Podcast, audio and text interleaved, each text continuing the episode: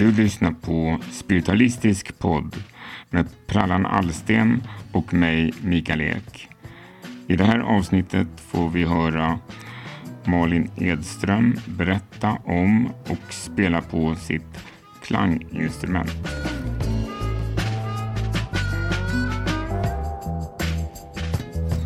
Nej, men, den här xylofonen kan man säga, Ja. då, för att en xylofon har ju lite olika längder på sina stavar och sådär.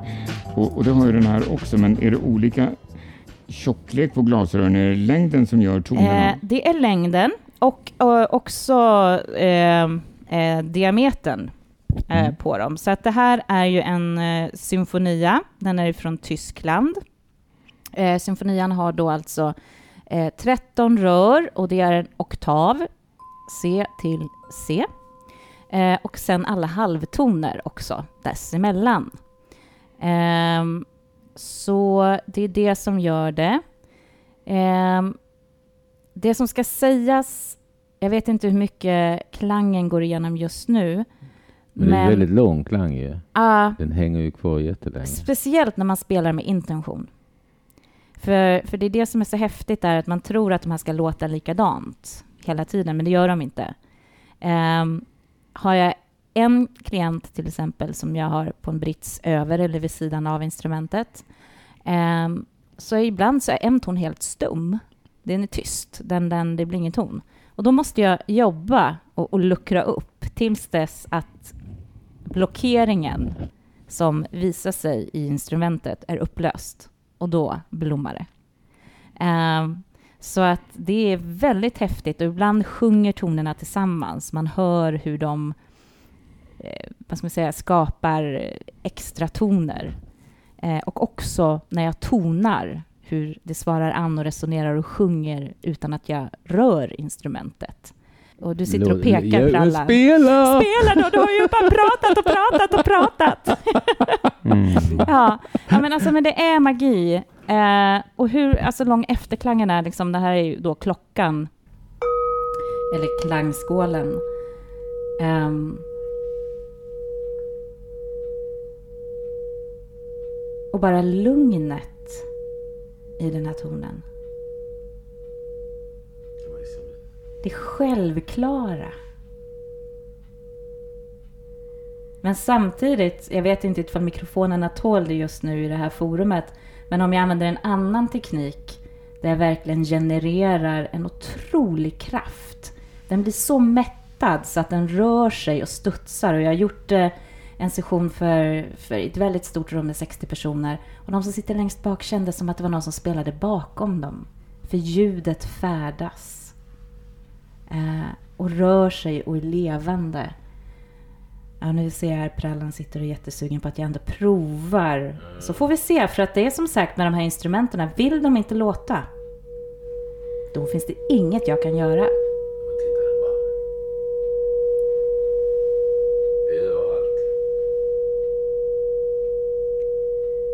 Allomfattandes.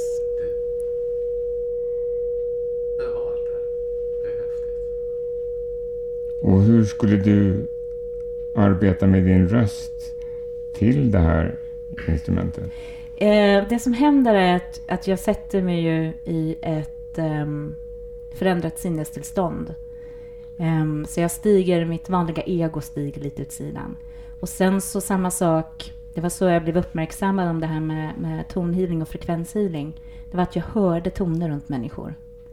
Och jag var så frustrerad, för andevärlden sa gång på gång på gång och även buddhistmunken för första gången du ska jobba med rösthealing. Och jag sa bara, ja men hur lär jag mig det då? Så här, ung entusiastisk 19-åring. Det kommer du veta. Och det var ju ytterst frustrerande. Sen då när andevärlden gång på gång pratade om min röst och läkning. Men ingen, jag visste inte om var det fanns någonstans. Eh, och så till slut, efter jag tror det var den tredje, fjärde sittningen med ett medium som sa det. Och andevärlden pratade om allt som skulle hända när jag började med det. Eh, så kom jag ner i köket och så min andra mediumlärare där. Och jag bara, men Angela, det här är ju så hemskt. Va, vad ska jag göra med det här nu då? När kommer det? Och hon bara tittade på mig och bara, men det är lätt. Så jag bara, lägg en hand på min axel. Okej. Vilken ton hör du? Ja. Ta den tonen. Och så tog jag bara den tonen. Eh, och så var det som att det strömmade ut vibrationer genom min arm då, som jag upplevde det, och in i hennes kropp. Och hon liksom där, ah, thank you dear. För hon hade haft så ont, eh, som inte jag visste om. Eh, så det, det, var början, att jag hör toner eh, runt människor, att de kommer till mig. Ehm, så Hur länge har du haft instrumentet i din ego då? Kanske en fem år nu kanske. Mm. Det var väl ditt kall helt enkelt. Du skulle göra det här istället för någonting annat. Ja, eller jag vet... Ja. Eller satsa mer på det här. Ja, alltså det, det, det är en sån stark del av vem jag är. Mm. Eh, jag har aldrig kunnat lämna de här tre komponenterna riktigt. Jag har fått mm. höra hela tiden att, vad heter den, eh, Jack of all trades, master of none. Det vill säga att eh, man är mångsysslare men mm. blir aldrig mästare. Och jag har haft det dilemmat, för kamparten är jätteviktig för mig, den buddhist, eller det, det asiatiska tankesättet bakom eh, budo och, och kampkonst. Eh, och samma sak musiken. Jag är musik, vi är alla musik. Men, men jag, jag mår dåligt om inte jag låter. eh, och eh, samma sak andligheten. Jag har inte kunnat släppa den.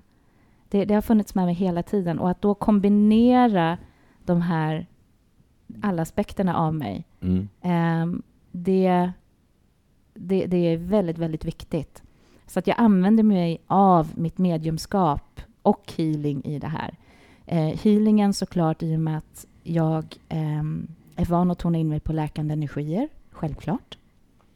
Men också mediumskapet för att jag har suttit i utveckling av transmediumskap. Mm. Så jag kan, vet hur man på ett hälsosamt sätt kan, kan, kan sammanblanda sig eh, med andra intelligenser. Eh, och det är ju som sagt, ni som hör, hör det här hemifrån, ljudet görs ju sällan mm, rättvisa Nej, via inspelningsapparater. Det måste vara väldigt eh, bra mikrofoner för att det ska vara okorrumperat. Det Men inte ens. ni kan få en försmak. Precis. Ja, och ni som är här i rummet hoppas jag kommer få en eh, riktig härlig upplevelse. Eh, det jag kan säga är att ni där hemma, kör inte bil samtidigt som det här eller gör någonting annat som har vassa eller farliga objekt i era händer. För är det så att ni färdas med inåt neråt, vilket jag hoppas att ni tar i denna stund att göra, så... Så ta en stund för dig själv. Slut dina ögon och bara var.